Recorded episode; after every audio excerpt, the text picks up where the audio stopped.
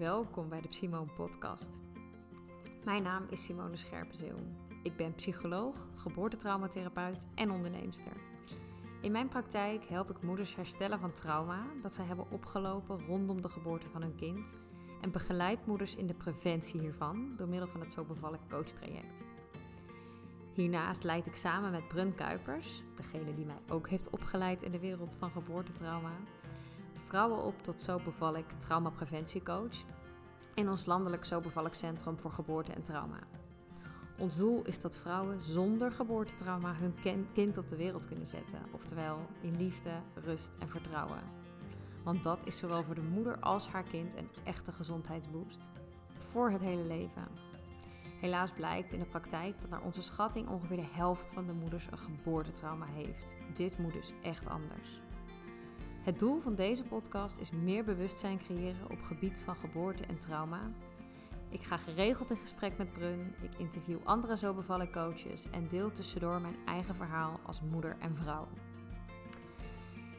Deze aflevering is de aftrap van een tweede podcastseizoen. De podcast, de Psimon podcast, heeft een tijdje stilgelegen. Deels doordat mijn praktijk zo snel groeide dat er eigenlijk gewoon geen tijd meer overbleef. En deels omdat ik zelf net weer terug ben van zwangerschapsverlof na de geboorte van ons derde kindje, onze lieve Lola. Over deze zwangerschap en geboorte wil ik ook graag nog een aflevering opnemen. Die komt. Maar voor nu schakel ik even door naar de inhoud van vandaag. Waarvoor ik weer in gesprek ging met Brun. We zijn nu zo'n twee jaar onderweg en inmiddels hebben meer dan 30 moeders gebruik gemaakt van de Zo Bevallen coaching. De emotionele voorbereiding op de geboorte van hun baby. We bespreken de effecten van de Zo Bevallen coaching tot nu toe, wie er voor dit traject hebben gekozen, wat hun ervaringen zijn, hoe die moeders profiteren, hoe ze de nageboortetijd hebben ervaren en welke signalen uh, hun baby's geven. En wat betekent het eigenlijk als een baby reflux heeft of koorts? Wat zegt dat over het verloop van de bevalling bijvoorbeeld? Kortom, het zit weer bommetje vol met waardevolle kennis over geboortetrauma en de preventie hiervan. Pak misschien pen en papier erbij, herhaal de aflevering en deel hem vooral door met iedereen die dit zou moeten weten. Ik wens je heel veel luisterplezier.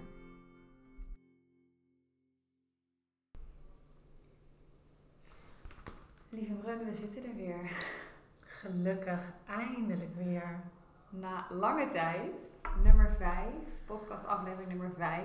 We keken net even terug en ook voor als je nu luistert en je denkt, ik val er middenin. We hebben vier eerdere afleveringen samen opgenomen. Uh, we hadden even gespiekt. Halverwege 2020 hebben we de eerste twee opgenomen. Dus dat is echt al meer dan twee jaar geleden. Ja. Die gaan vooral over jouw verhaal. Jouw, ja, eigenlijk jouw levensverhaal, jouw carrièreverhaal eigenlijk.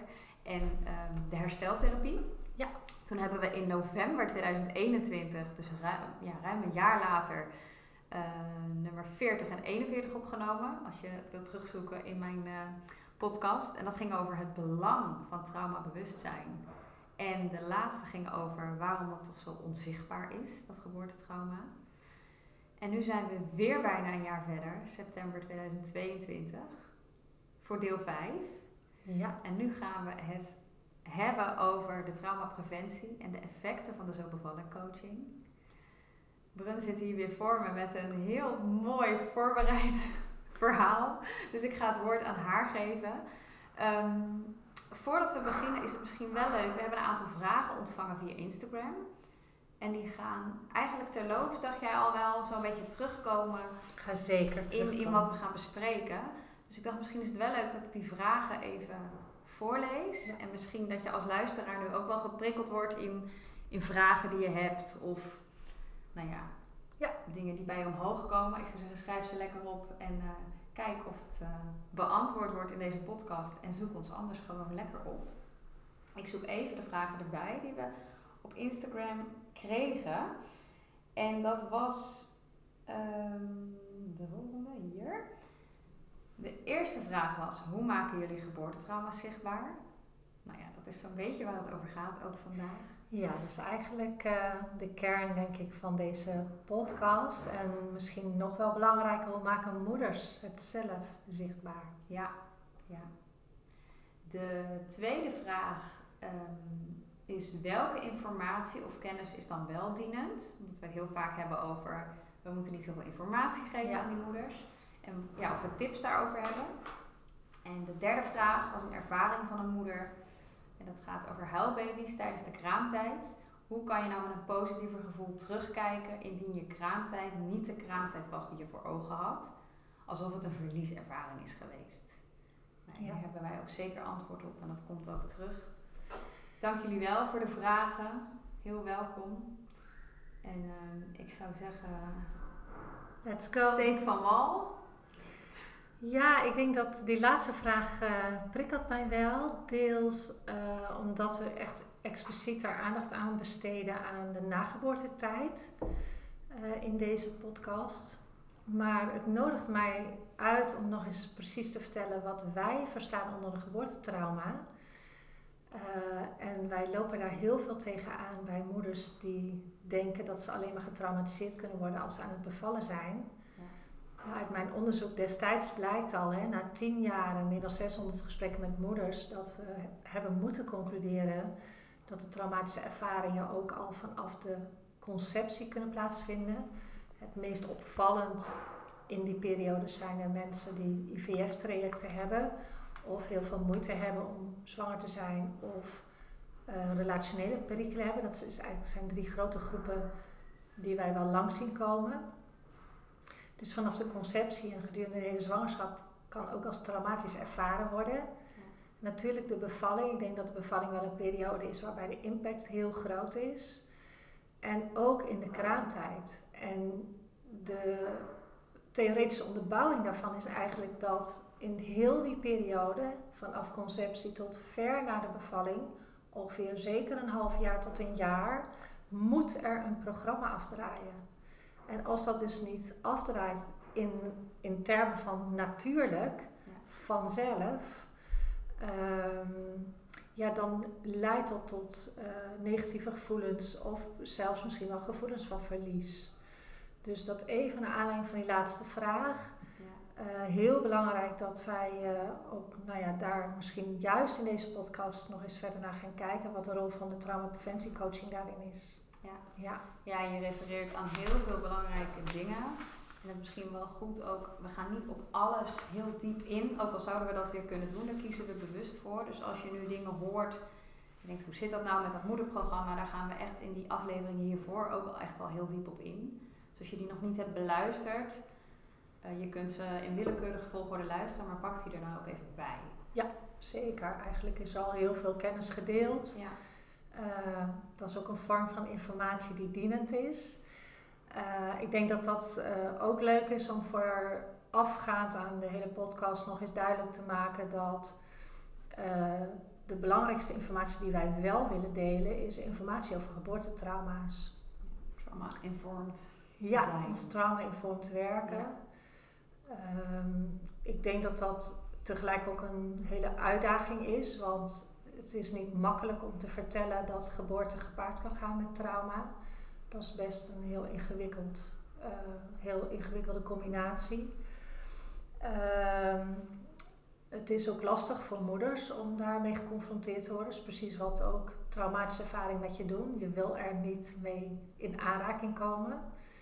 Maar het blijkt toch ook nog wel vrij lastig te zijn voor teamleden. Dat is een van de redenen waarom we het van de week in de intervisie ook eens uh, expliciet over hebben gehad van nee, daar is nog werk aan de winkel.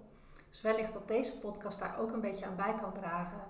Hoe kunnen we toch vrouwen, uh, mensen die bij ons werken, maar misschien ook overwegen bij ons te komen gaan werken, hoe kunnen wij hen helpen trauma-informatie te gaan geven? En ja, dan kun je je nog afvragen waar bestaat dat uit? Dat is toch de harde realiteit onder ogen zien. De cijfers, de heftige cijfers, waarvan wij denken dat ongeveer de helft van de vrouwen in Nederland te maken heeft met traumatische ervaringen. En wij weten een derde zegt een trauma te hebben ervaren tijdens de bevalling uit uh, wetenschappelijke literatuur wereldwijd. Ja.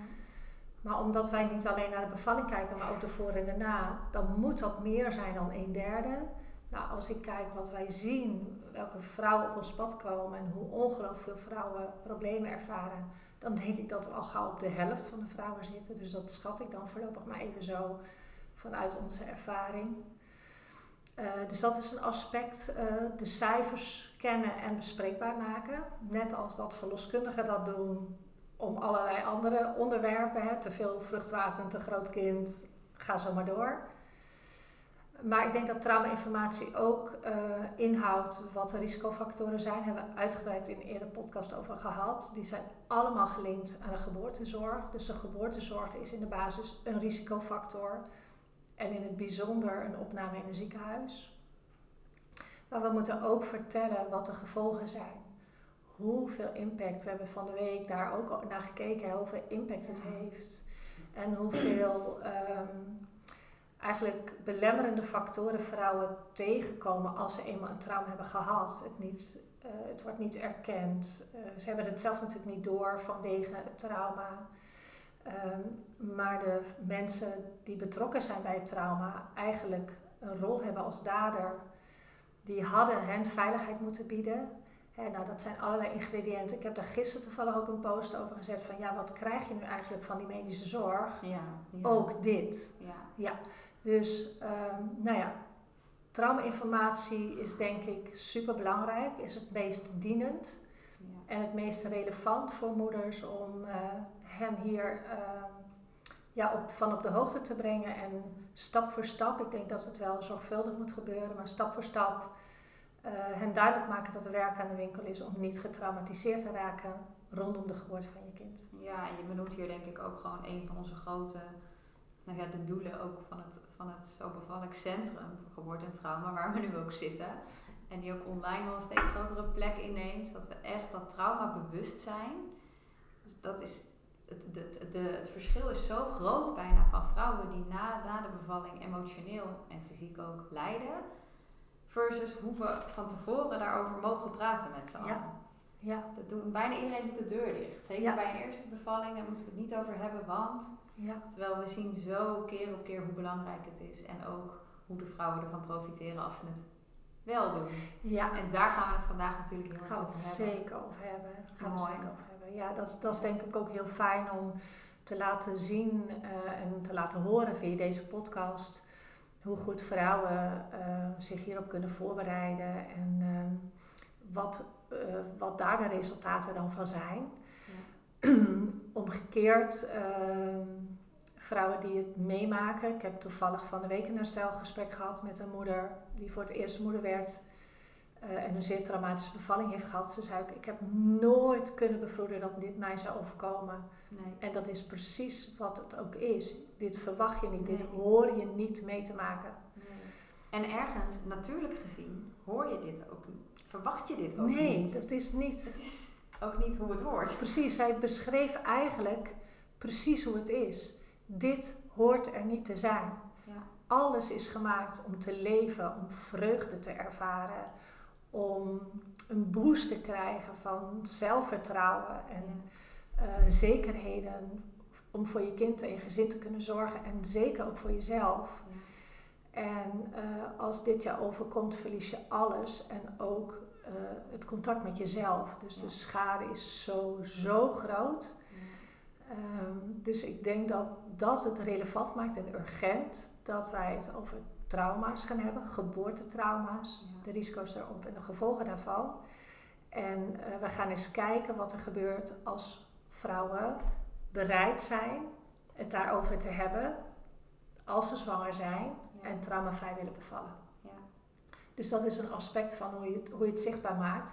Praat erover en uh, geef de moeder de gelegenheid in begeleiding van jou om te gaan kijken wat het voor haar betekent. Ja, ja en, en traumapreventie is wat we doen. En wij, wij, realiseren ons ook dat dat niet per se aantrekkelijk klinkt. Als je voor het eerst in verwachting bent, ik moet dan traumapreventie doen. Maar hoe we het ook noemen, is het emotionele werk doen. Ja. De emotionele begeleiding. En dat is denk ik. Um, ja, met andere woorden wat hetzelfde betekent. Ja. Maar dat is wel, en dan komen we later in een volgende podcast gaan we daar dieper op in. Maar wat het ook uniek maakt, wat het onderscheidend maakt. Ja. Maar dat is wel wat het is. Ja, ik denk dat het mooi is om traumapreventie, uh, nou ja, als het ware wat te conceptualiseren of duidelijk te maken wat dat dan voor moeders betekent. Kijk, terugredenerend, uh, bij een trauma word je emotioneel geschaad. Hè? Je wordt je komt in een bedreigende uh, situatie terecht uh, waar je zou willen vechten of vluchten en dat kan niet. En dat is per definitie in ieder geval een emotioneel, uh, emotionele schade. Gaat vaak ook wel gepaard met fysieke schade. Um, en dan is het niet heel ingewikkeld om te bedenken, als je emotioneel geschaad wordt, moet je dus emotioneel je voorbereiden om dat te voorkomen. Ja. En dat doen we bij de traumapreventie met als doel uh, en traumavrij te bevallen of een geboortetrauma snel te herkennen als het je toch overkomt. Ja. dus dat zijn twee belangrijke vormen van traumapreventie. En dan zie je wel dat moeders die daartoe bereid zijn, ook zelf verantwoordelijkheid willen nemen voor hun eigen gezondheid en voor positieve geboorteervaringen. En dat is denk ik, als je wil kijken naar de vrouwen die nu bij ons op, op ons pad zijn geweest, ik heb het 30 redelijk in de smiezen gehouden, maar ik denk dat we al op ongeveer 40 zitten. Ik hou het ook niet meer helemaal bij. Dat, dat moeten we ook weer een keer doen. Ja. Maar goed, we zijn er nu twee jaar mee bezig. Dus dat is een hele mooie stateproof. Als ik daar wetenschappelijk naar kijk, heel eh, prima om daar wat uitspraken over te gaan doen. Uh, maar deze groep vrouwen uh, was zelf bereid verantwoordelijkheid te nemen. En uh, ook bereid om hun emotionele werk te doen. Want dat is ook niet niks. Het is ook niet niks om uh, geconfronteerd te worden met uh, vreemde woorden, beelden, um, suggesties vanuit de medische zorg en je daar steeds weer toe te verhouden. Dus ik wil ook niet zeggen dat het per se zwaarder is als dat je het niet doet, want niet doen, niet je emotionele werk doen, levert ook heel veel stress op. Ja, het ene is op voorhand misschien wat lastiger, maar het andere is naderhand nog veel lastiger. Ja, ja, absoluut. Ja, dus het is zeker de moeite waard. En uh, als ik kijk naar de vrouwen die ik heb gezien, uh, dat zijn er ongeveer twintig, die um, hebben genoten van dit traject. Ja. ja, dus dat is heel erg leuk om te horen. En natuurlijk heeft ieder een eigen verhaal en ieder een eigen reden. Uh, een grote groep die bij mij is geweest, had eerder een traumatische ervaring gehad. En die is daarom of bij mij teruggekomen of die zaten in een hersteltraject en zijn tijdens het hersteltraject zwanger geworden. Of ze waren zwanger en werden weer getriggerd op een eerdere traumatische ervaring. Ja. dus uh, een eerdere ervaring waarvan deze vrouwen dachten, ja dit wil ik echt nooit meer meemaken, is zeker een belangrijke drijfveer om het anders te gaan doen. Ja. En dan is dit wel heel passend. Maar het is natuurlijk voor alle moeders passend. Omdat ja, het zou fijn zijn als er niet hersteld hoeft te worden als een van een nare ervaring. Absoluut. Herstellen moet je ja. altijd. Maar. Ja, ik denk ook wel dat uh, als we dit zeggen, dat het eigenlijk voor alle moeders uh, een must is om dit te doen. Om even weer vast te stellen dat het krijgen van een geboortetrauma niet afhangt van jouw voorgeschiedenis. Nee. En dat kun je alleen maar verklaren doordat de risicofactoren allemaal bij de geboortezorg liggen. En natuurlijk eentje bij de moeder, maar die staat ook weer los van haar voorgeschiedenis. Namelijk haar moederprogramma, die haar huidige baby nu weer maakt. Namelijk dat je iedereen jouw lichaam en je baby toevertrouwt. Ja, dat is echt een biologische factor. Ja, het is gewoon een biologische factor die niet, eh, die alle vrouwen hebben die zwanger zijn. Dus, um, ja, wat je zegt is eigenlijk, er zijn natuurlijk ook heel veel vrouwen die al heel veel emotioneel werk, zelfbewustzijn, van alles persoonlijke groei hebben gedaan, zich bewust zijn van hun lichaam. Ja. Maar dat die vrouwen, en dat is misschien lastig om aan elkaar, om dat, die puzzelstukjes bij elkaar te leggen, maar dat die net zo'n grote kans hebben op een geboortetrauma, omdat het te maken heeft met externe factoren. Ja. En niet met jouw interne factoren. Zeker. Hoe goed je jezelf ook kent, als je niet trauma-informed ja. bent, dan overkomt het je nog steeds. Ja. En misschien is het, en nou ja, dat, dat weet ik niet, maar ik heb, ik heb wel veel vrouwen gesproken, zeg maar, uit die hoek Waarbij de klap dan nog groter was, omdat ze dachten, maar ik was toch zo goed voorbereid. Ja. Ik kende mijn lichaam toch. Ja. Ik, was toch uh, ik kon toch zo goed ontspannen. En toch is het me gebeurd. Wat heb ik verkeerd gedaan? Maar jij hebt niks verkeerd gedaan. Nee. Nee. Dat is misschien wel goed om ja, te Dat is ook leuk om uh, te zien dat Gaia dit heel erg ook onder de aandacht brengt. Hè? Dat is een heel ingewikkeld stuk. Gaia is een van onze, oh, van onze teamleden. Gaia voor moeders. en, maar ook wel weer heel ingewikkeld als je getroffen bent door een geboortetrauma of als je um, uh, inderdaad heel veel moeite hebt gedaan om je goed voor te bereiden. Ik denk dat zeker driekwart van de moeders die ik nu in de zobevalling coaching heb gehad, ook zich goed had voorbereid op die eerdere bevalling en traumatisch was met andere vormen van voorbereiding, hypnobirthing, een doula, uh, nou ja, eigenlijk alles wat er ook te kopen is. Ja. Ehm, en uh, ja, wat we kunnen vaststellen, dat wist ik al wel langer, ik heb daar wel ooit eerder, ben ik daar ingedoken door deze organisaties eens naar cijfers te vragen. Zij hebben enerzijds niet het doel traumavrij te bevallen, hè, dus hun voorbereiding richt zich daar niet op. Maar inhoudelijk doen ze niet het emotionele werk wat bij de zonbevalling coaching wel plaatsvindt. Ja. En dan is het ook wel mooi om daar zo iets over te vertellen. Hè? Hoe ziet dat emotionele werk eruit?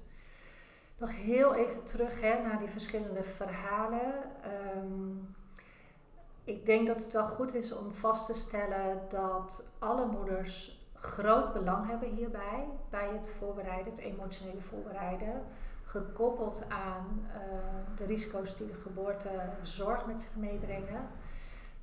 Um, en als ik kijk naar de vrouwen die bij mij zijn geweest, zijn er ook vrouwen bij die echt een heel, totaal blanco uh, kaartje hadden en gewoon heel veel behoefte hadden om ook aandacht aan zichzelf te besteden, langere tijd uh, en meer sessies bezig te zijn met, met hun emotionele ontwikkelingen. Dus ik denk dat dat heel representatief is voor de doelgroep die wij ook zoeken. En de laatste groep die je nu beschrijft had dus niet eerder een traumatische ervaring of überhaupt geen eerdere bevalervaring. Nee, precies, precies. En wat interessant is, dat ze later na de bevalling best wel merkten van hé, hey, er zijn toch eerder dingen in mijn leven gebeurd. Dat neem ik heel graag nu nog mee in die begeleiding. Maar dat is mooi om uh, straks mee te nemen. Hè, wat doen wij als traumapreventiecoaches ja.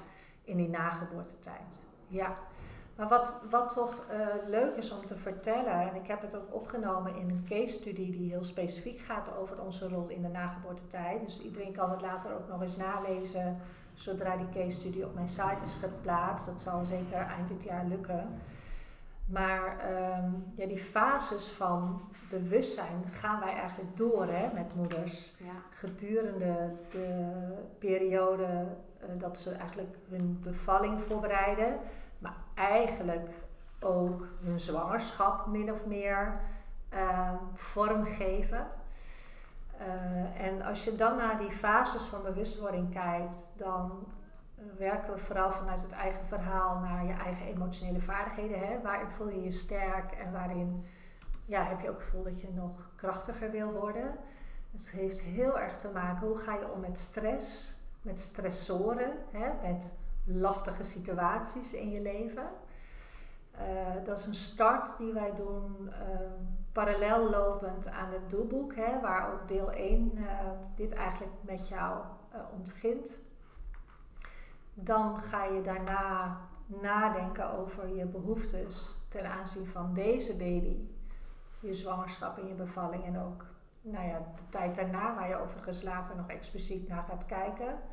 Welke behoeftes heb je nu? Wat vind je belangrijk? Wat wil je ervaren? Wat wil je uh, voelen? Uh, we gaan best heel diep daarop in met behulp van visualisaties, met schrijven, met vertellen, met beeldvorming. Er zijn wel moeders, volgens mij heb ik daar in de vorige, vorige podcast ook even naar verwezen, die hele collages maken.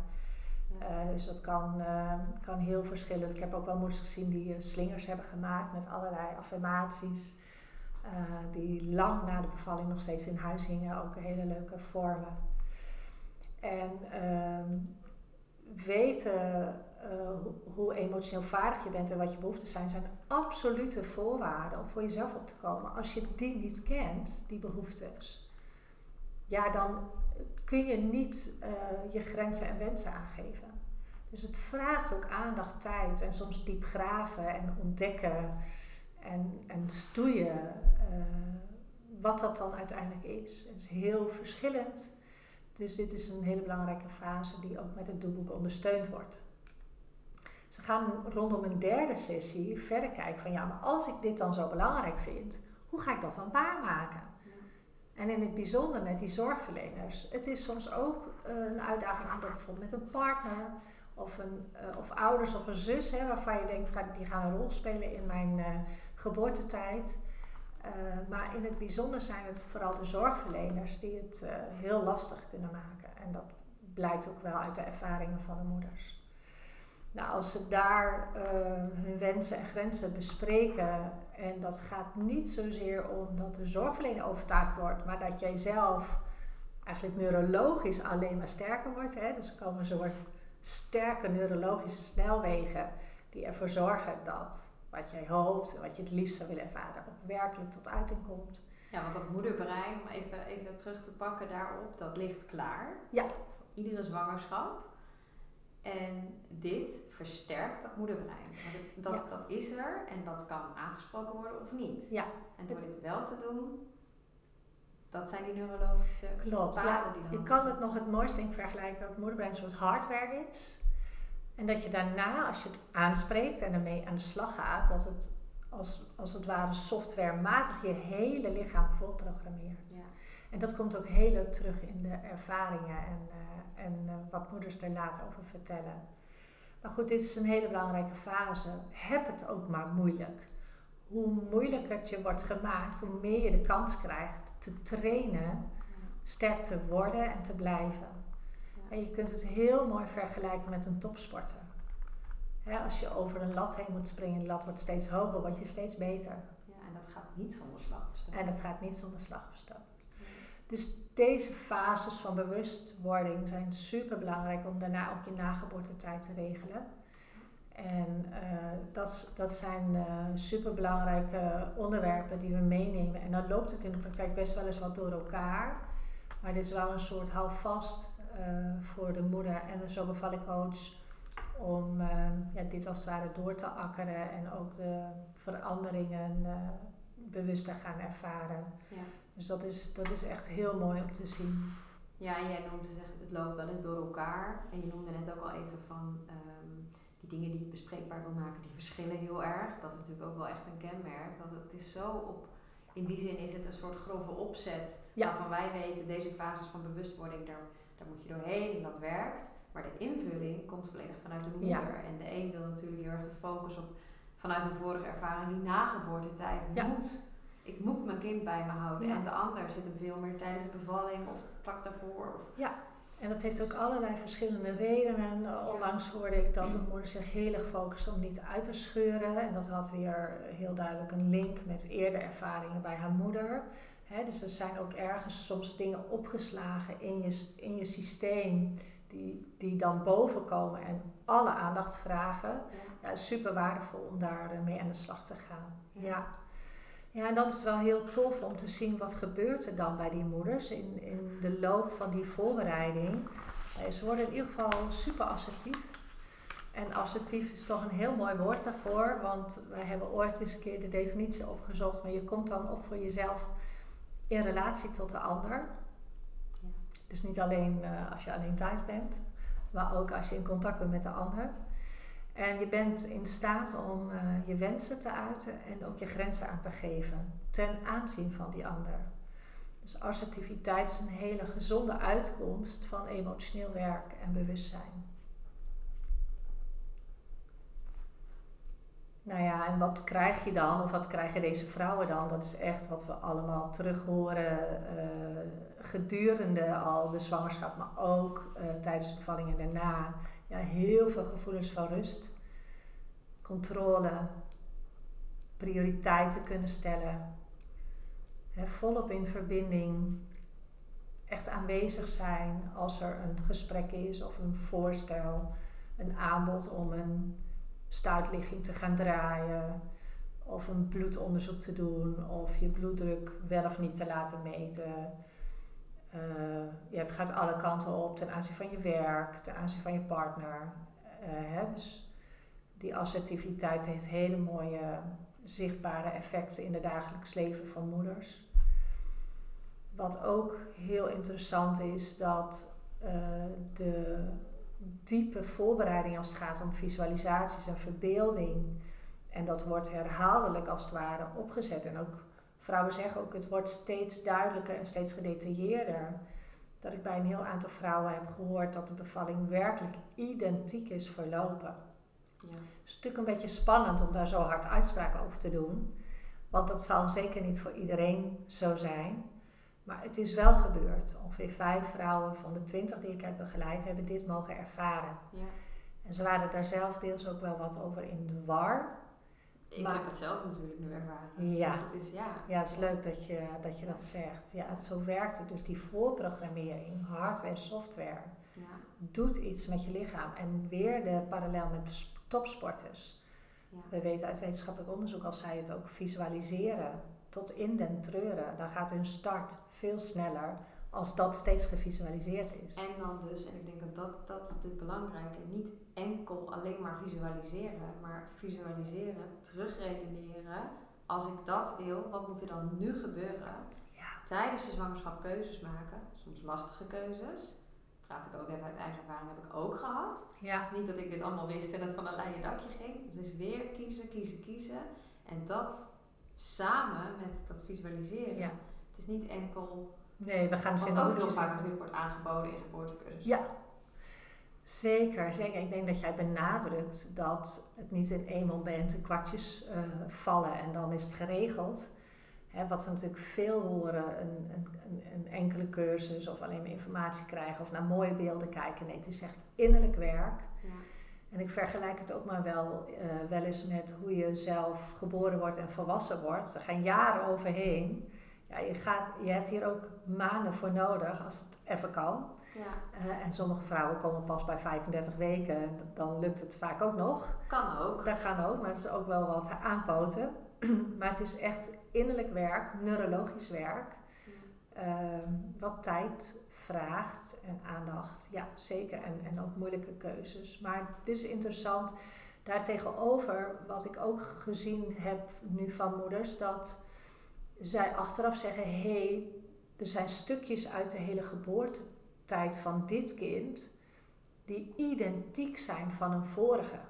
En wat vaak ook niet fijn was. Dus het lijkt er ook een beetje op. Er zijn ook hele voorzichtige uitspraken. Ik kan dus echt niet iets wetenschappelijks over zeggen, maar het is wel opvallend. Het is observatie. Het zijn echte observaties. Ja, dat is het goede woord. Dat als een moeder bijvoorbeeld eerder een, ehm, heel veel bloedverlies heeft gehad na de bevalling, doordat de placenta niet kwam, Ja. dat zich dat gewoon identiek herhaalt. Of dat moeders eerder met gebroken vliezen zijn gestart en daar een soort onrust op ontwikkelen en daar nu werk van hebben gemaakt om dat niet te doen, maar dan toch weer krijgen. Ja. Eh, dus ergens lijkt het er ook op dat een eerdere ervaring ook een voorprogrammering is. Ja. En dat is voor ons weer heel leerzaam om dat te gaan ontginnen met moeders van hé, hey, als je al eens een keer eerder moeder bent geworden of je eigen moeder heeft eh, deze verhaal of misschien nog wel daarvoor, dat is ook zeker de moeite waard om extra aandacht aan te besteden. Ja, en, ook, en, niet alleen maar van hoe voorkom ik dat, maar ook wat als het wel gebeurt, Ja. heb je dan nodig? Ja. Zonder de angst daarmee in te boezemen dat je daarmee het bijna oproept. Nee, sta maar gewoon bij de scenario stil. Wat heb je nodig? Zeker. Hoe regel je het voor jezelf? Ja. Ik weet ook van een paar moeders die hebben dat dus gedaan. Ehm, onder andere die moeder, hè, die vertelde over die, die, die ruptuur waar ze angstig voor was.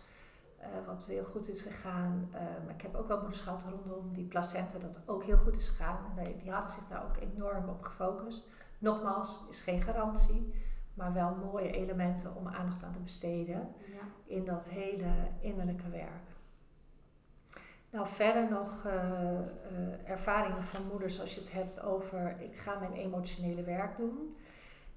Ze nemen veel meer initiatieven.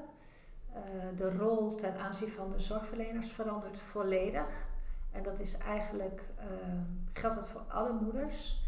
Ze nemen eh, eh, eigenlijk eh, de rol over dat ze zeg maar sturing geven aan gesprekken, sturing geven aan behandelingen, sturing geven aan wel of niet onderzoeken doen en wat dan precies wel en wat precies niet. Dus dat is, denk ik, tikken ze eigenlijk de risicofactoren weg. Hè? Ik ben in ieder geval niet meer ongelijk. Ik laat mij als gelijk behandelen en stel mij ook zo op. Ik bespreek de schade die ik vermoed en die ik niet wil eh, krijgen. Eh, hun eigen inbreng wordt daar natuurlijk heel groot mee. Dus eigenlijk zie je hierin heel mooi dat ze zelf de risicofactoren wegpoetsen. Ja. En dat is in de kern wat primaire preventie eh, inhoudt. Dus dat, dat Misschien is het wel mooi, want het is in principe heel helder denk ik, maar het is ook abstract om er even een voorbeeld bij te geven. Wat zijn nou dingen die moeders dan bijvoorbeeld nou ja, waar ze initiatiefrijk in zijn, waarin ze zeggen, ik wil het niet. Of Ja, ik heb wel een heel, mooi, of- heel mooi voorbeeld wat van de zomer gebeurde. Mijn moeder die was klaar met de vier sessies en wachtte op haar bevalling. Ik denk dat wij ongeveer rond de 36 weken de laatste sessie hadden gehad. En eh, die heeft in haar zwangerschap een goede band opgebouwd met haar verloskundige praktijk. Maar liep er ook wel tegenaan dat die ene, twee verloskundigen zij nog maar weinig had gezien en steeds anderen had gezien. En op een gegeven moment was zij, geloof ik, 41 weken, dus wachtend op de bevalling. En toen belde ze mij en zei: Goh, Brun, weet je wat ik nu toch aan de fiets heb hangen? Die hele praktijk gaat twee weken dicht. Ze gaan met vakantie. ja. Dus ik heb mijn hele zwangerschap me ingezet om met hun een band op te bouwen. En nu zijn ze gewoon twee weken dicht. En ik ben 41 weken. En ehm, toen hebben we een poosje daarover gehad. Ik hè, een beetje onderzoekend waarom ze daar zo naar van is. En toen kwam ze eigenlijk zelf ook wel achter dat ze deze verloskundige helemaal niet nodig had. Ze zei, ja, maar ik weet toch dat ik het zelf kan. Ik ga ook helemaal niet met een andere verloskundige nu in zee. Ik ga gewoon vertrouwen op mijn lichaam. En eh, in die week eh, voelde ze ook wel een soort druk, want ze is eerder ingeleid bij 42 weken, dus ze voelde druk. Dus ze Als je heeft het hebt over herhaling. ja, weer die herhaling, ja, waar ze ook heel erg eh, wel zich op had voorbereid. En toen heeft zij het ziekenhuis gebeld, ze zei ik wil nu een inleiding. En zij heeft in het ziekenhuis een kamer geregeld met een bad, dat was haar voorwaarde. Ze wilde niet dat de vliezen gebroken werd, wat overigens echt protocol is. Ze wilde alleen een infuus en ze mocht alleen opgehoogd worden, de medicatie, als zij het wilde, met halve stapjes. Dus zij is in het bad gaan liggen met een infuus en ze is, haar bevalling is heel mooi daar op gang gekomen. En eh, uiteindelijk heeft een gynaecoloog eh, haar badbevalling begeleid, die zij volledig geïnstrueerd heeft. Dus de gynaecoloog heeft gedaan wat zij zei. Ja. En zij heeft een prachtige bevalling gehad. Nou, dat is misschien wel een hele bijzondere voorstelling. Ja. Maar dit is wel een mooi voorbeeld hoe sterk zij zich voelde en hoe precies ze wist wat ze nodig had. Ja. En hoe fantastisch zij eh, terugkijkt. Ze heeft een hele mooie kraamtijd gehad. Ik heb binnenkort haar laatste sessie na de bevalling. Ja. En het gaat extreem goed met haar. Ja, Ja, en ik vind het misschien des te meer wel een mooi voorbeeld. We hebben het altijd over natuurlijke processen. En soms blijft het nog een beetje in, in, in de algemene overtuiging dat het dan allemaal maar thuis moet. En dat er Ja. geen medische interventie of medisch iemand aan te pas mag komen. Maar zo zie je ook in samenwerking de, de moeder nam regie. ja. Juist in het ziekenhuis het zo mooi eigenlijk is gegaan. ja, dat is echt fantastisch. Hoe leuk het ook zo kan gaan. Hè? Ja, Ja, ik denk dat het daarom gaat als de moeder bepaalt ja, wat gedaan Zeker. wordt en wat besproken wordt. Dat is ons mantra natuurlijk. ja. Maar dat is heel, heel tof. Ja. Dus dat is denk ik eh, eh, nog wat moeders ervaren. Ehm, ik denk ook dat het mooi is om nog eens verder te gaan kijken. ehm, van hé, hey, waar uiteindelijk profiteren ze dan in? Ik, ik heb mijn briefjes een beetje, ik zit een beetje te klungelen met mijn briefjes. Want ik had ja, het nodige voorbereid. Ehm, Wat, wat merken ze nou eh, ook op langere termijn? Want dit zien wij vrij vlot gebeuren. Het heeft hele mooie uitwerkingen tijdens de bevalling. Maar ook wat gebeurt er dan daarna? En nog los even van onze contacten die wij hebben. Die worden ja, vrij standaard ingezet als ik nu iedereen volg. Hè. Mijn eh, advies is bijna dwingend advies naar de zomerbevalling coaches toe zoek binnen één week na de bevalling contact met je zomerbevalling coach. Zeg dat, spreek het af met de moeder om die emotionele thermometer erin te stoppen. En dan afhankelijk hoe het dan gaat, Ja. kan je vaker contacten of twee sessies verdelen over een half jaar. En dan zie je wel dat eh, moeders na de bevalling eh, ja, heel adequaat ook zijn naar, eh, naar de zomerbevalling coach in het zoeken van contact en uiten wat ze nodig hebben. En ik denk dat dat het meest eh, kenmerkende is wat we ook beogen. Eh, van de 30 vrouwen die ik in beeld heb, eh, heeft er slechts één vrouw een traumatische bevalling gehad. En zijn er een paar vrouwen die na de bevalling een hele moeilijke tijd hebben gehad als het gaat om bloedverlies of wat andere dingen, bijvoorbeeld de opname van een baby of zelfs een combinatie daarvan. En dat is denk ik ook belangrijk om te benadrukken. Vrouwen die mede dankzij de Zo Bevalling coaching en hun eigen emotionele werk een hele mooie bevalling kunnen ervaren, kunnen daarna toch ja, het heel moeilijk krijgen door een vervelende afloop vanaf de geboorte van de placenta of verderop in de kraamtijd. Ja. En wat ik heel bijzonder vind om te merken dat deze vrouwen uh, echt bij je komen. Of dat een zo'n coach aan de bel trekt van hé, hey, ik heb al even niks van je gehoord, hoe gaat het met je? En dan komt het ook wel. Ja. ja. Dus uh, er is ergens wel een bewustzijn, voldoende bewustzijn en kennis. Um, uh, kennis over geboortetrauma, de impact ervan, maar ook een stuk weten, het gaat niet goed met mij. Wat helpt naar buiten te treden en hulp te vragen en te ervaren. En dat is nou precies wat zo misgaat na een trauma. Dus dit zijn ook uitkomsten. Hè? Uh, een hele mooie traumavrije bevalling is een uitkomst, maar ook aan de bel trekken om hulp te vragen als het toch niet zo fijn is gegaan. Ja. Ja, ik moet ook weer denken nu aan een mooie parallel. Dat wij als coaches, zo bevallen coaches, blijven wij er altijd bij als het moeilijk wordt. Ja. Zodat een moeder eigenlijk ook bij zichzelf kan blijven als het moeilijk wordt. Dat is wat er gebeurt. Ja, dat is wel heel mooi zoals je het zegt. Ja, ja ik denk dat dat uh, de kracht ook is van, van de één op één contact. Of in ieder geval van het diepe vertrouwen in elkaar. Dus een coach heeft groot vertrouwen, hoge verwachtingen van de moeder. Maar dat mag de moeder ook van de zo coach hebben. Ja. Dus die, uh, ja, die interactie uh, is, is zo ongelooflijk waardevol. En dat komt ook wel heel mooi tot uitdrukking in mijn case, uh, die ik dankzij Sylvie Seiber van Mooi Moederbrein heb kunnen doen. Want zij heeft die moeder helemaal begeleid. En ik heb dankzij haar de data kunnen krijgen om dat eens te bestuderen. En daar blijkt ook wel weer uit dat deze moeder direct naar haar uitweek. Terwijl ze nog in het ziekenhuis lag. Dus uh, ja, dat zegt iets over hoe veilig je je voelt. Ja.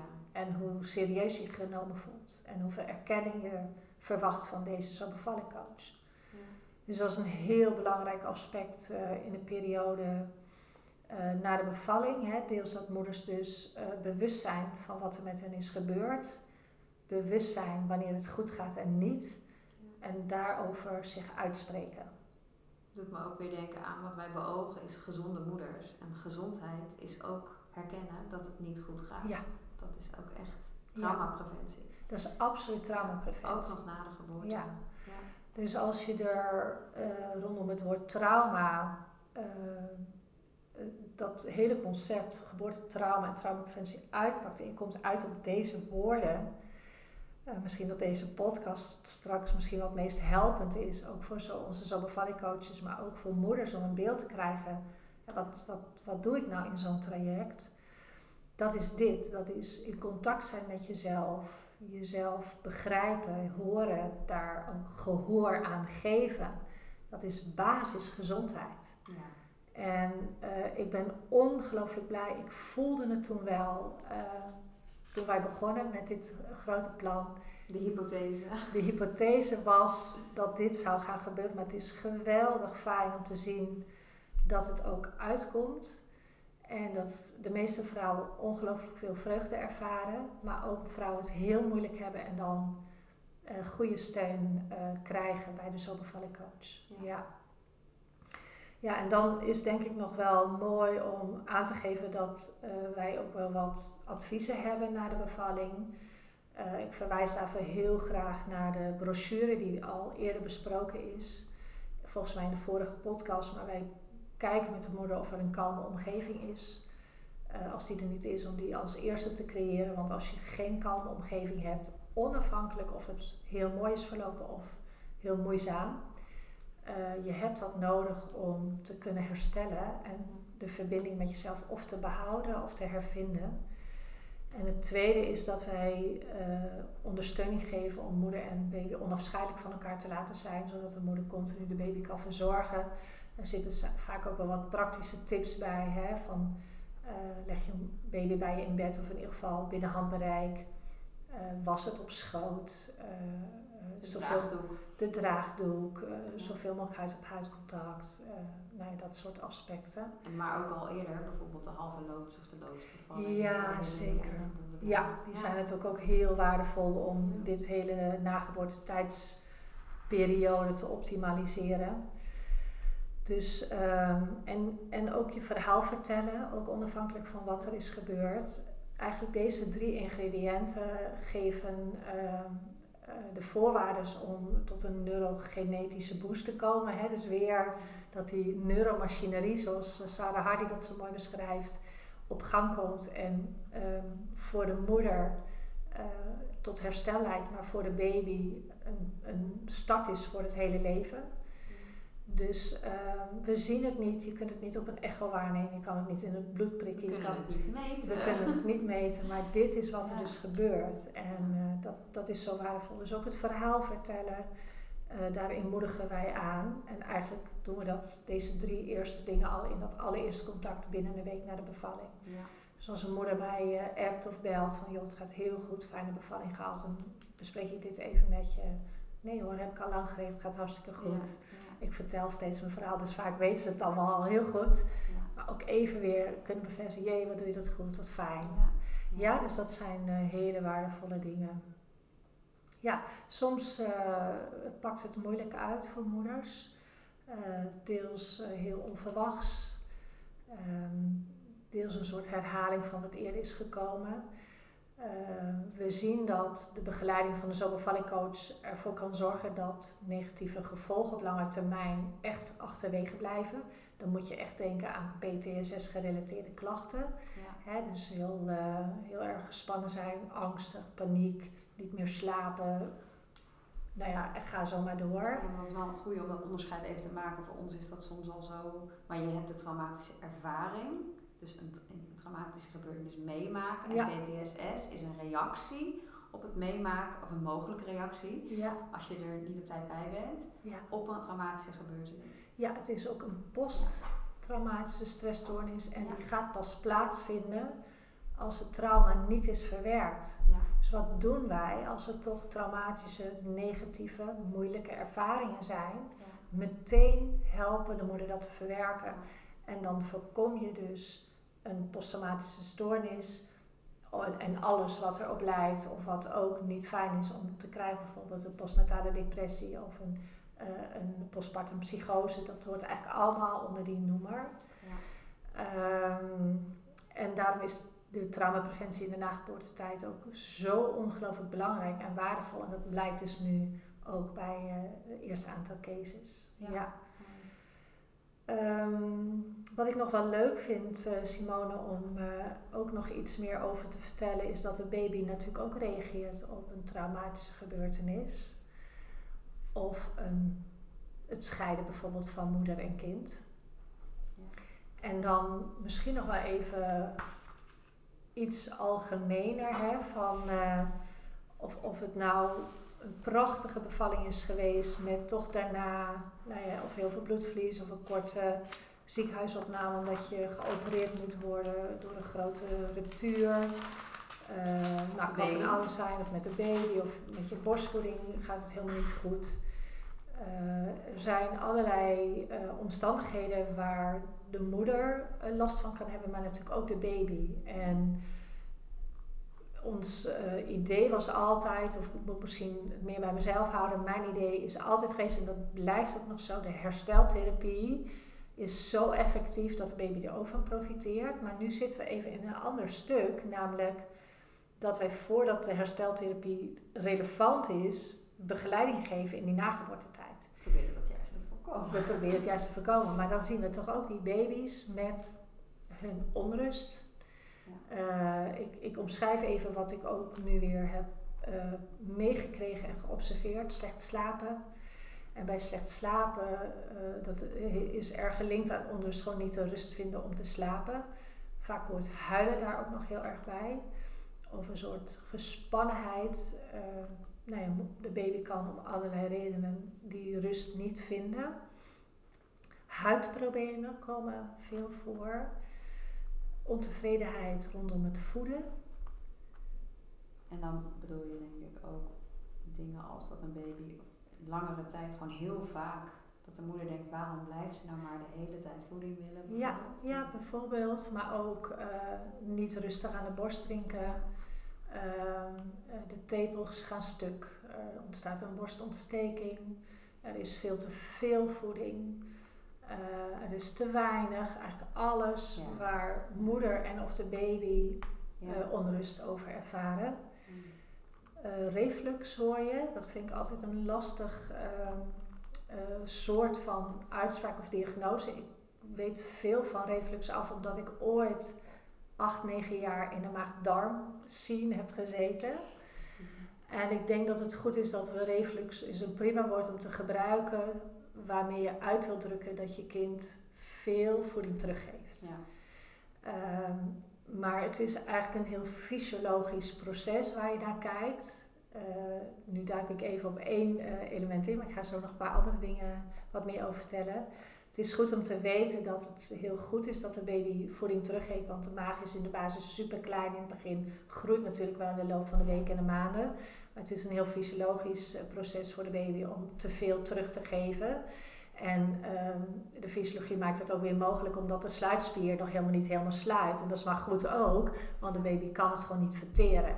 Ja. Dus het teruggeven van voeding is in de basis een heel gezond mechanisme. Nou is het wel zo dat die sluitspier van slokdarm naar maag heeft een directe link met de nervus vagus. Dat is een centrale zenuw die reactie op stress regelt. Dus het is wel uh, zeker er is er een verband tussen veel voeding teruggeven en uh, stress voor de baby. Nou, en dat, dan is het weer goed voor de moeder om te weten, uh, daarnaar te gaan kijken en te kijken of het voor de baby rustiger kan worden. En dan moet je eigenlijk gelijk weer denken aan een kalme omgeving voor moeder en de baby. Dat alleen de moeder de baby verzorgt. En dat je je verhaal steeds weer vertelt, ook dit. Ja. En dan komt de uh, rust eigenlijk vanzelf weer terug, ook bij de baby. Ja. En uh, tot slot wordt ook koorts wel ervaren bij kinderen. Ik weet van verhalen van moeders, en dat weet ik al eigenlijk zolang ik in de verloskundige zorg werkte, dat koorts wordt gezien als een infectie van bacteriën, schimmels, virussen. maar het hoeft in de basis zeker niet zo te zijn.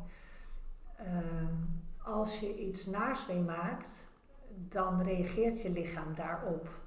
En een meest effectieve reactie is dat je lichaam warm wordt. Dat is eigenlijk de basisreactie, die komt dus gewoon in actie. En dat kan je beter als je lichaamstemperatuur wat opgekrikt wordt.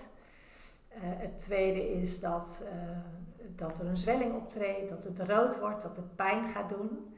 En dat zijn eigenlijk alle ingrediënten die gezien worden als een infectie waar vooral antibiotica op los moet gelaten. Of erger nog, dat een baby allerlei onderzoeken moet ondergaan wat de oorzaak is van die koorts. Terwijl er meestal niks gevonden wordt, dat weet ik ook nog wel uit mijn verloskundige praktijk. Er is bijna nooit iets Behalve de B, dat is zo'n heel gevaarlijk beestje. Ehm, maar de verklaring ligt veel meer in dat het babylichaam ook reageert op moeilijke omstandigheden. Het is echt een vorm van verwerking. Het is echt een vorm van verwerking. En dan is het natuurlijk super spannend om daarop te vertrouwen. Maar uh, ik merk wel dat uh, de, de neiging meteen hulp in te schakelen en dan ook ja, je baby helemaal los te laten en allerlei onderzoeken te laten doen. En het gaat echt soms heel ver, tot en met lumbaalpuncties aan toe. Dat is heel, heel heftig. Dus dat belemmert natuurlijk heel erg uh, de, de natuurlijke processen in nageboortetijd. Ja. En uh, dat geldt eigenlijk voor alles, hè? ook die huidproblemen, uh, problemen bij voeden, het slechte slapen ik hoop dat het ons in de loop van de tijd uh, gaat helpen om hier beter naar te gaan kijken. Met de moeders die wij begeleiden. En dat we uh, mee kunnen gaan leren denken of er misschien ruimte is om af te wachten. Ruimte om eerst omstandigheden te optimaliseren. Voordat er uh, meteen met medische ingrediënten uh, ook nou ja, wordt geëxperimenteerd. Want daar komt het vaak wel op neer. Ja, en je hebt ook, denk ik, als ik het zo hoor, denk ik aan twee kanten van de medaille. Aan de ene kant is er, we gaan te snel, we moeten we het medisch laten onderzoeken, want we moeten er wat mee. Aan de andere kant denk ik dat heel veel dingen ook wel heel snel of vaak worden geplaatst onder de nummer 8, hoort er ook een beetje bij. Ja. En dat dat ook niet zo is. Nee. Dat is. Tenminste, je hoeft er niet meteen in paniek op te reageren. Nee. Maar het wel zien als een signaal Ja. dat er iets niet helemaal was wat fijn was voor de moeder en of de baby. Zeker. En dat dat ook wel helpt. Want ik Ja. denk ook dat weet je, het borstvoeden lukt niet. Ach, dat hoort erbij. Je baby slaapt nog steeds niet door. Ja, hoort er ook een beetje bij. Ja. Niet om bij alles meteen in paniek te raken of iets Nee. extreems achter te zoeken. Maar wel om weer dat bewustzijn te vergroten van duik er maar eens in. ja, je baby vertelt een verhaal. Ja, En dat is denk ik het allerbelangrijkste. En dan merk ik wel weer dat het contact, wat ik heb ervaren met moeders over hun baby's, ja, dat het ook eh, een ontginnend contact is. Want de moeder Ja. komt er vaak zelf achter van, hé hey, ja, maar ik snap eigenlijk ook wel dat mijn kindje dit laat zien. ja, Ehm, en als je leert openstaan voor eh, ja, wat er is gebeurd en dat ook je baby daarop reageert, ja. dat is vaak al ja, de helft minder aan stress en, eh, en ja, last die je ervaart. Dus eh, ik denk ook dat het en voor de moeders eh, goed is om te weten die of potentieel cliënt zijn of nu nog in traject zitten, maar zeker ook voor onze teamleden, dat de baby mede eh, een, een hulpmiddel is die helpt om te vertellen hoe goed het is gegaan en waaraan je dat dan merkt. Dus eh, ja, dat is heel waardevol om niet alleen, alleen, alleen maar naar die moeders te kijken, maar ook hun kinderen en soms ook andere kinderen ehm, mee te nemen in dat hele plaatje. ja. Ja. En eh, moeders kunnen heel goed zelf besluiten nemen daarover. En ik, ik weet een voorbeeld dat een, een kindje eh, heel veel huiduitslag liet zien hè, rondom het dragen van de luier. En eh, daar is ook een lange periode op ingezet met eh, een medicinale zalf. En dat hielp me niet en dat hielp me niet. Nee, dat, dat is natuurlijk ook een, een mooi moment om daar eens op te reflecteren van hé, hey, als dat niet helpt, dan zit er dus ook niet een virus of een bacterie of waar die zelf dan ook precies voor was om te bestrijden. Eh, ja, laat dat in ieder geval eens los en ga eens kijken wat er gebeurt. Ja. En dan is dat misschien nog niet genoeg en moet je verder. Maar het, het is heel fijn om de moeder daarin te ondersteunen en even weer terug te brengen naar die basisvoorwaarden van kalmte, ja. aanwezig zijn, onafscheidelijk zijn en, eh, en het verhaal kunnen vertellen. Ja, dus dit is eh, heel mooi om nu te zien dat in de nageboortetijd er zoveel te doen is. Ik weet nog goed dat wij dat vierde trimester opnamen in de opleiding. Eh, hè, dat we daar aandacht aan wilden besteden. Ja, Ik vind vierde trimester niet zo'n heel fijn woord, het is een heel medisch woord. Dus eh, ik noem het liever de nageboortetijd. Ja, die En- verder reikt dan de eerste 40 dagen. Absoluut, die reikt veel verder. Hè, blijkt in de praktijk nu wel, en dat wist ik ook nog wel een beetje uit mijn hersteltrajecten, dat het zeker is totdat de moeder weer gaat werken, of misschien zelfs daaraan voorbij. Hè, dat de moeder weer start met werken en dan nog eens even contact mag hebben. Ja. Ehm, Nou ja, daar hadden wij het natuurlijk vanmorgen over om mijn persoonlijke voorbeeld te nemen. Dan wordt alles weer even op scherp gesteld. En dan put je ook weer uit, nou ja, de bevalling, de nageboortetijd. Maar dan opnieuw wordt er weer even gerammeld, Ja. moet je weer even ergens doorheen, is het weer even moeilijk. ja, En kun je dan leunen Ja. op wat er in positieve zin allemaal is gebeurd? Absoluut. Absoluut. Ja. ik denk dat je dan opnieuw even gaat profiteren, letterlijk terugvallen op eerder eh ontginde en ontwikkelde eh, ja, emotionele kracht. In termen ook van Maar ook, met de baby, als je die reflux noemt, nou ja, daar had Lola, ik weet niet of het reflux was, maar die gaf ook veel terug. En ik zag op een gegeven moment, ja, de osteopaat ontdekte een wervel die in verbinding stond met de maag. Daarna was het ietsje minder. Maar het had te maken met hoeveel onrust is er in haar omgeving, maar Ja. ook in mijn omgeving. Ja, Dus als ik veel buiten de deur was geweest, nu ga ik weer werken. En het neemt weer toe. Ja. Dus ik weet, we moeten weer meer rust creëren Ja. op dat stuk. Dus die parallel komt steeds terug. Ja. ja. Ja. En zo functioneren wij ook. Dat is hoe mensen, dieren, zoogdieren in het bijzonder, functioneren. Ons lichaam re- re- eh, reageert continu op omgevingsfactoren. Ja. En ehm, ja, dat is waar de basis van ons werk ligt. En dat zien we volop terug in de traumapreventie voor en na de bevalling. Dus eh, heel mooi om hier ook als team eh, meer aandacht aan te gaan besteden.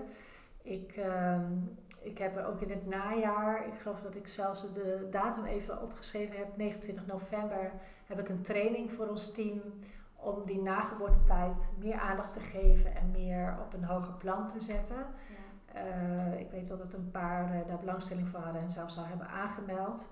Uh, dus dat, dat is heel mooi. Er is nu een case study over, dus ook wetenschappelijk hebben we daar wat uitspraken over kunnen doen. Dat is heel fijn, geeft ook heel veel houvast.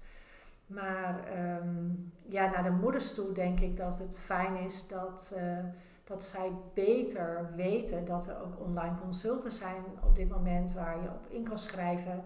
Er zijn verschillende teamleden die daar een account voor hebben, allemaal te vinden op de So site. Het is heel eenvoudig om een afspraak te maken en dan volgt de afspraak wel na betaling via Zoom. Ja. we hebben ervoor gekozen om cliënten toch ook wel, nou ja, een bedrag te laten betalen. In dit geval gaat het om 55 euro, waarbij je 40 minuten gesprek hebt, maar er zit ook wat voor- en nawerk aan en je krijgt mooie informatie van de zomervallingcoach na het gesprek. Onder andere de brochure en het doeboek. Dus je krijgt ook echt trauma-informatie nog op de post bij jou thuis. Ja. Maar we willen heel graag uh, moeders, aanstaande moeders, net bevallen moeders, uh, ja, uitnodigen onze toegang te vinden. En dat kan heel mooi via die online consulten. Uh, ik heb nu zelf uh, een zo'n traject kunnen opstarten dankzij moeder die een online consult had gedaan. Ik heb ervoor gekozen om het bedrag uh, weer af te trekken van het hele traject. Ja. we moeten daar als teamleden ook nog eens even naar kijken. Gaan we dat allemaal doen of wordt daar verschillend over gedacht? Maar goed, dat is ook een manier om een eerste stap te zetten en het dan weer nou ja, eigenlijk die investering alweer terug te vinden. Ja, uh, ja en wij blijven gewoon uh, nadenken over hoe krijgen we moeders zover om die verantwoordelijkheid zelf te nemen. En ook te kiezen voor hun eigen gezondheid, maar ook te kiezen voor kosteneffectieve zorg. En het is even een item deze week, ook omdat het op mij afkwam afgelopen periode. En um, ik vind het wel heel interessant om daar kort nog iets over te zeggen. En dat brengt me misschien wel bij het bruggetje naar een volgende podcast. Ik ben daar zelf al eens eerder in gedoken naar kosteneffectieve zorg. Sterker nog, volgens mij heb ik er iets over in het boek geschreven. Maar als je kijkt naar wat uh, wereldwijd, maar ook ons ministerie er bijvoorbeeld over zegt, mag je verwachten dat je weinig zorg krijgt, zo weinig mogelijk. En dat er meteen van geprofiteerd wordt. Dat is kosteneffectieve zorg. Nou zit daar natuurlijk een soort... De definitie. Is dat is de definitie. Niet per altijd de praktijk. Nee, dat is zeker niet de praktijk. Maar dat is wel de essentie van ons hele zorgsysteem. Ja. En uh, dat is wat kosteneffectieve zorg betekent. En nou, als je dat dan even afzet tegen een ongelofelijke hoeveelheid zorg, doe ik tussen aanhalingstekens, die moeders aangeboden krijgt van echo's, onderzoeken uh, en ga zo maar door. En uiteindelijk vaak ineffectieve behandelingen. Dan staat het ver af van kosteneffectiviteit. Ja. Dus er is heel veel zorg zonder dat je ervan profiteert. Sterker nog, je wordt er vaak alleen maar onzeker van. Of het maakt je, het wordt nog onduidelijker of je weet niet meer wat je moet doen. Of dingen waar je moet betalen die je eigenlijk niet eens wilt. Ja, dat is, dat is nog erger. Moeders die zeggen, ik wil niet naar het ziekenhuis. Ja, het moet. En hier heb je een rekening van 800 euro voor de ambulance. Ja, precies. Dus uh, ik denk dat bij trauma-informatie, waar we begonnen, ook dit aspect toegevoegd moet worden. We moeten met z'n allen, en in het bijzonder wij als team, naar buiten toe helderheid gaan verschaffen. Wat is kosteneffectiviteit? En dat is, je betaalt iets, maar je profiteert er meteen van in termen van gezondheid. Dus ik voel me zekerder, ik weet wat ik moet doen, ik kan beter keuzes maken, ik neem de tijd, ik zeg iets af ja. en ga zo maar door. En als je dan kijkt naar uh, wat deze moeders tot nu toe hebben ervaren uh, door een traject te betalen, uh, zelf, zelf te betalen. Niet afhankelijk van een ja. zorgverzekeraar zelf. En die zeggen allemaal, Brun, het is het zo waard geweest. Want ik heb mijn eigen bijdrage of eigen risico heet dat, kunnen besparen. Of ik heb het, ik ben jammer genoeg iets laat bij je begonnen, dus ik ben het nu toch kwijt aan een aantal echo's die ik eigenlijk niet had gewild of, of bloedonderzoek omdat ze een verdenking hadden op zwangerschapsdiabetes. Dus um, ja, ik denk dat het heel belangrijk is dit mee te nemen. Dat de zorg bij de Zo beval ik trauma preventietrajecten zo'n goede investering zijn in je eigen gezondheid. is absoluut het geld waard. En je bespaart waarschijnlijk ook heel veel. Ja, het is een levenslange investering. Het is, eigenlijk, het is veel meer dan een geboortecursus of een bevalcursus. Want weet je, soms noemen we die term omdat je, ja, dat is een beetje de wereld waarin we ons begeven. Maar het is zoveel meer. Het is echt een investering, een, een emotionele investering in jezelf, in je kind. Ja, het is voor je leven. De rest van je moederschap. Ja. ja. ja, dat denk ik ook. Dus dit, dat is echt heel tof. En ja, wat, wat bieden wij dan hè, aan, aan, aan uh, onderscheidend vermogen?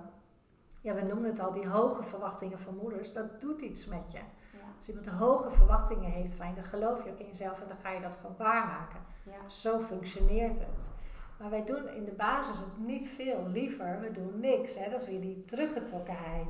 Wij bombarderen ze in ieder geval niet met informatie, tenzij het trauma-informatie wordt. Ja. Van hé hey joh, ga jij, uh, ga je toch liever voor die inleiding bij 40 weken omdat ze denken dat je baby uh, te groot is? Ja, daar gaan we het over hebben. Wat betekent dat voor jou? Hè? En is dat wat je wil? Wil je uiteindelijk met die uitkomsten leven? Um, uh, we proberen echt de moeder te bepalen wat ze bespreekt, wat ze wil, haar helpen, uitnodigen, daar, daar uh, dingen te realiseren, in gesprek te gaan met anderen. Um, we proberen haar vooral aan te zetten, zonder dus al die informatie. En ik ben zonder onze mening? Ja, zonder onze mening, zonder onze deskundigheid te demonstreren. Hè. Het valt heel erg terug op de oplossingsgerichte benadering bij de hersteltherapie. Uh, en dat blijkt gewoon wel heel goed te werken, ook haar eigen weg te vinden. Um, maar nogmaals, de trauma-informatie wordt wel besproken en dat is echt belangrijk. In het doelboek komt het ook in meerdere vormen langs. En um, uiteindelijk is het toch een soort contact vanuit liefde en vertrouwen.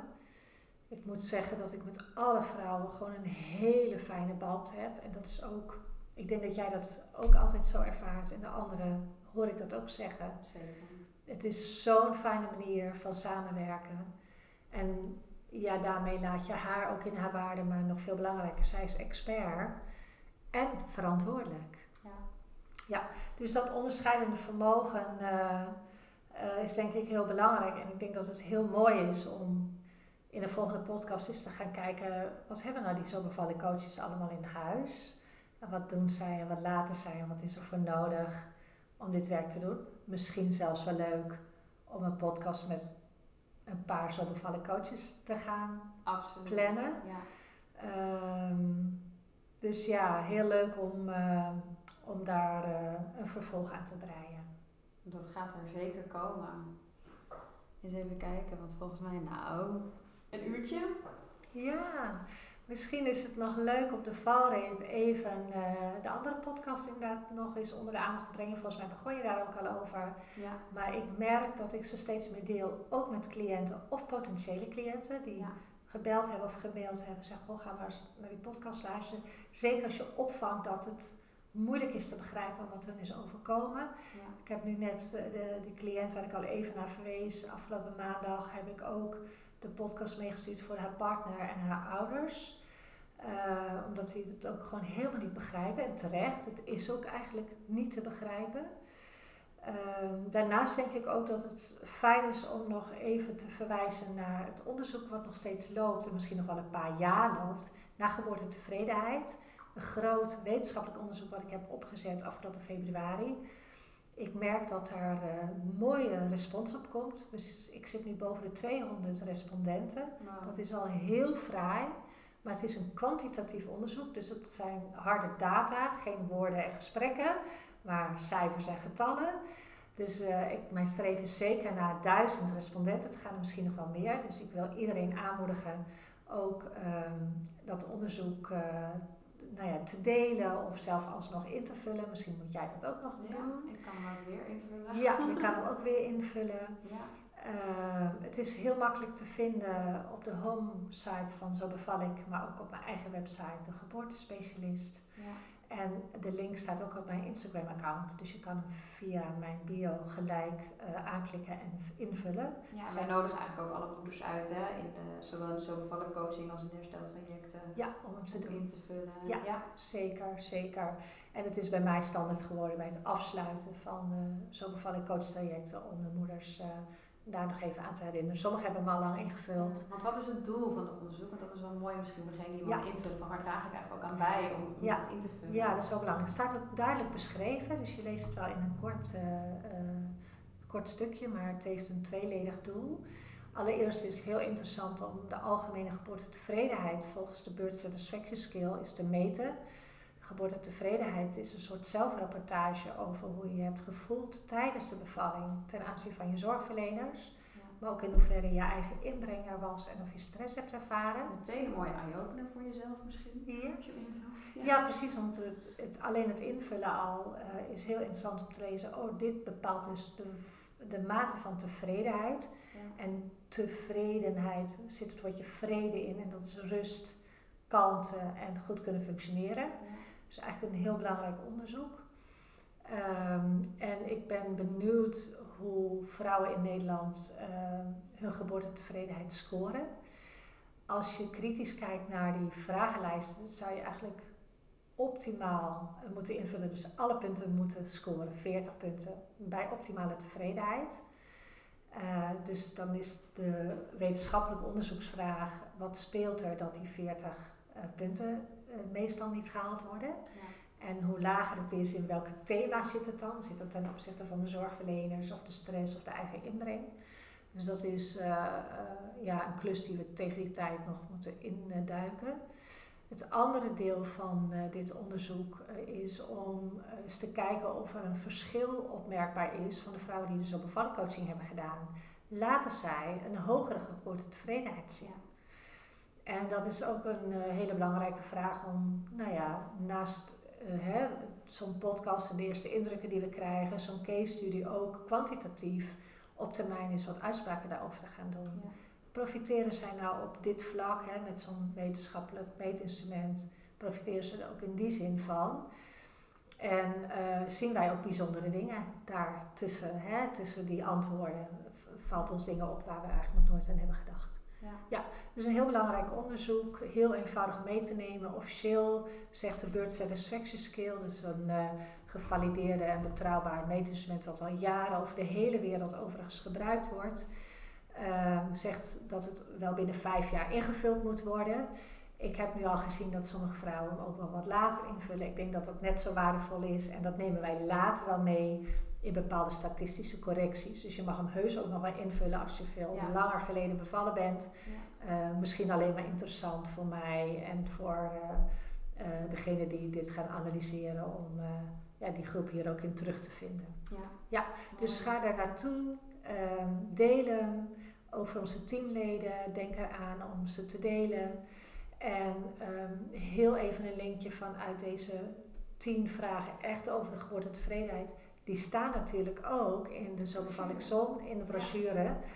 Omdat de stellingen heel helpend zijn om uh, de geboorte uh, te verwerken, en het bijzonder de bevalling te verwerken. En zeker te verwerken wat de omgeving met je heeft gedaan. Dus nou, wij werken er eigenlijk al op een hele andere manier mee. Uh, maar dat zijn dezelfde stellingen. Ja, want dat is gewoon omdat de, de, de correlatie, de, de, hoe je dat? Ja, de, de, de, de, geboortetevredenheid, hoe hoger je geboortetevredenheid, ja. of laat ik het andersom zeggen, een lage geboortetevredenheid, is een heel grote kans dat er geboortetrauma ja. is. En ja. andersom. Zeker, ja. Je verwijst eigenlijk naar de correlatie die we hebben bewezen. Ja, het verband. Ja, het verband uh, tussen uh, geboortetevredenheid en trauma-gerelateerde klachten. Dus eigenlijk een negatieve correlatie, statistisch gezien, want hoe hoger de geboortetevredenheid, hoe lager de trauma ervaringen of de ja. trauma-gerelateerde klachten zijn. Ja, ja dus uh, dat, dat zijn ook wel mooie ja, hulpmiddelen om kennis uit de wetenschap te betrekken in de praktijk, wat wij gewoon heel graag doen. Ja, en even heel, hoe zeg je dat? Simpel gezegd, we willen gewoon dat het effect heeft wat we doen. Ja. En dat is ook wat het onderscheidt. Ja, nou en of, nou en of. Ja, ik, Ja, ik denk dat wij eh, heel uitzonderlijk zijn als je het in ieder geval vergelijkt met iedereen die in de geboortezorg werkt. Dat wij uh, notie willen nemen van de effecten van onze zorg. En dat meten we op allerlei verschillende manieren. Onder andere met uh, dit onderzoek. Ja. ja. Mooi. Veel besproken. Ja, ik denk dat we er uh, lekker een eind aan gaan breien ja. voor nu. Want zoals we al zeiden, er komen er nog veel meer aan. De komende tijd, de komende jaren. En uh, nou ja, als je als moeder luistert, of als aanstaande moeder, of misschien wel als moeder waarvan je nu voelt, oeh, er zit toch nog wel wat, weet ons op allerlei manieren te vinden. Luister je omdat je misschien wel geïnteresseerd bent in het worden van een zo bevallig coach. Ook heel erg welkom. Bezoek dan ook vooral de Zo Bevallig website www.zobevallig.nl of onze Instagram, @zobevallig. Want uh, die opleiding blijft ook gewoon doordraaien. Iedere september, iedere januari. Zeker, de eerste aanmeldingen in januari lopen alweer. Ja. Van de offline groep zijn de aanmeldingen binnen. Ja, en we hebben dus ook, als er genoeg aanmeldingen zijn, een online variant die ook iedere keer start. Dus bijvoorbeeld de aanmeldingen. En dan kun je gewoon vanaf je computer, zelfs vanuit het buitenland, meedoen. Ja. We zitten inmiddels in Nederland, België en Turkije. Dus dat mag uh, Hoe fantastisch is groeien. Ja. Fantastisch. En uh, dank je wel in ieder geval nu weer voor het luisteren. En zoals we al zeiden, het is super waardevol om het te verspreiden. Dus kopieer de link, gooi hem via WhatsApp lekker door. Deel hem op social media. Super leuk en fijn als je zo bevallig daarin even tagt. Want dan kunnen we dat ook weer verder verspreiden. En um, ja, dat was hem voor nu. Dankjewel voor het luisteren. En uh, tot een volgende keer. En Brun, jij weer bedankt voor je mega waardevolle input. Ja, jij voor uh, de gelegenheid. Fijn om dit samen te doen. Jij ook bedankt.